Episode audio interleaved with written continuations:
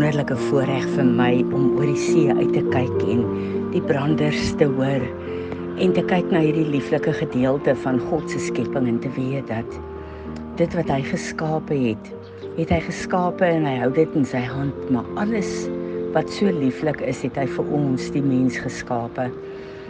Ek kan nooit langs die see wees en nie dink aan Jesaja 40 wat sê dat al die waters op hierdie aarde hou hy in die holte van sy hand en dan kyk ek na hierdie uitgestrekte see en dan dink ek hoe groot, almagtig en heilig is hierdie Skepper God van ons net nie. Ek het so voorreg om hier te kan staan en met julle te praat en dit te kan ervaar en ek is so diep dankbaar daaroor. Ek wil ver oggend met julle 'n woord deel terwyl ek sit en mediteer met die Here en ek besef ons is in 'n nuwe jaar. Ons het reeds hierdie nuwe Gregorian jaar ingestap. Maar baie keer is daar soveel goed van laas jaar wat ons saamsleep en dit beïnvloed ons ervaring van hierdie jaar.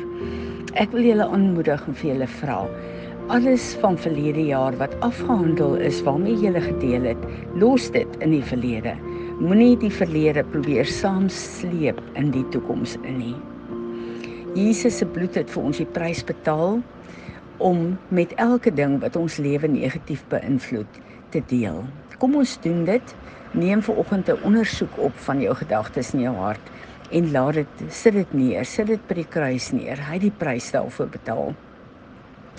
En dan is daar baie belangrike ding wat ek wil hê ons moet hierdie jaar aandink. Pas op wat jy in jou gedagtes toelaat.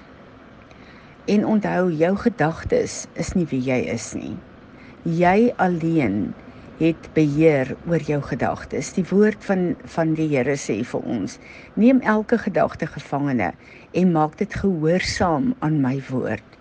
En in hierdie jaar wil ek dit onderstreep vir ons. Ons gedagtes is nie wie ons is nie. Ons gedagtes is die oorlogveld van die vyand.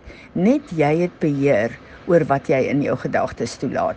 As jy 'n negatiewe ervaring het met 'n persoon, as jy offended is, jy het 'n keuse wat jy met daai gedagtes gaan maak. Of jy gaan daai gedagtes hou en dit bedink en dit laat afsak in jou hart in sodat dit jou optrede gaan beïnvloed of jy gaan dit gevangene neem en dit um, uit jou uitdryf in die naam van Jesus Christus.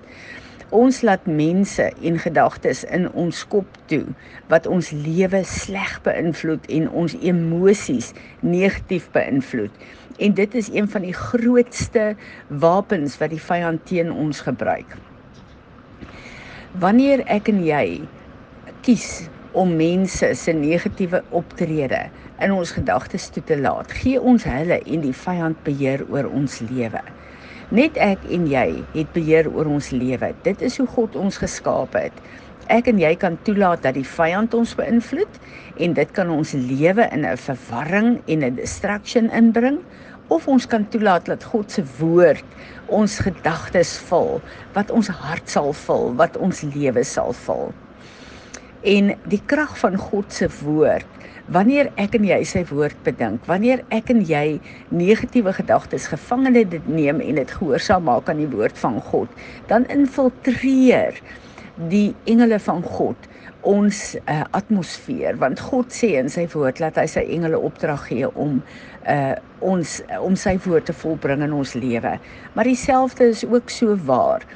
Wanneer ek en jy die vyand of mense wat die vyand gebruik in ons lewe toelaat in ons gedagtes en ons begin dit te verdink te bedink dan word ons emosies geaktiveer dit aktiveer ons hele uh, menswees en ons optrede en ons ervaring van die dag.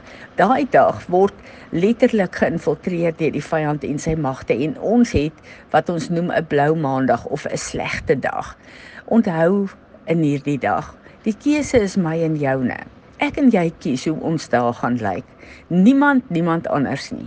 En sou jy 'n negatiewe situasie in vasloop, dan nooi jy die Heilige Gees en die woord van God om jou wapen te wees, om die geveg vir jou te veg.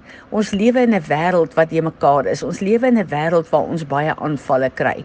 Maar ek voel in hierdie jaar moet ek en jy meer en meer staan en God se woord toelaat om die geveg te veg. En die geveg is nie net buite by die goed wat teen ons kom nie. Die geveg is binne in jou.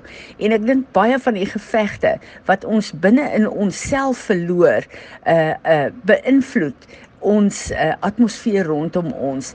En ek en jy, Jesus het vir ons op Golgotha die prys betaal sodat ek en jy in sy oorwinning kan staan. Kom ons laat toe dat sy oorwinning die vyand onder ons voete plaas elke sekonde van hierdie nuwe jaar. Ek en jy is medewerkers met Jesus Christus die oorwinnaar.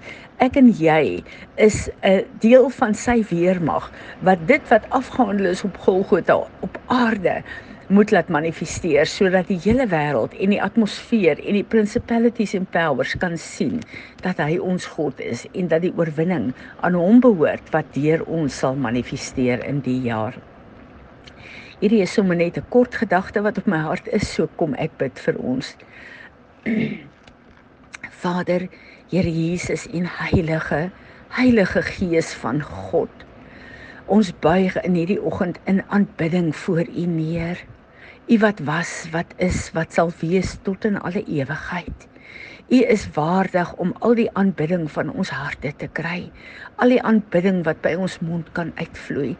En dan weet ons Here, is dit nie eers genoeg om die die aanbidding wat u waardig is te ontvang nie. Maar Here, soos wat hierdie branders reën vanoggend en ek kan hoor hoe die skepping u aanbid, wil ons ons stemme hierby kom voeg. En Here, ons wil vra dat in hierdie dag u ons sal help om elke gedagte gevangene te neem, dit gehoorsaam te maak aan u woord, Here. Ons wil kom verklaar dat die oorwinning van die kruis van Golgotha ons oorwinning sal wees in hierdie dag, maar ook in hierdie jaar. Ek bid vir 'n nuwe vars salwing vir elkeen van ons, Here. En soos wat u salwing in hierdie oggend oor ons loop, die juke van die vyand en van verlede jaar gebreek en vernietig sal word. Ons verklaar in hierdie dag dat die enigste juk op ons skouers, die juk is van Jesus Christus, ons Heer en ons Meester. En Here, ons wil juig en getuig dat die bloed van Jesus wat op Golgotha gevloei het, in hierdie dag nog steeds die krag het, Here, en dat dit ons toedek, maar laat dit ook spreek van die oorwinning van ons God in en deur ons lewe. Word verheerlik, word verheerlik. Here Jesus, dankie dat ons in U oorwinning kan oorleef in hierdie wêreld. Amen.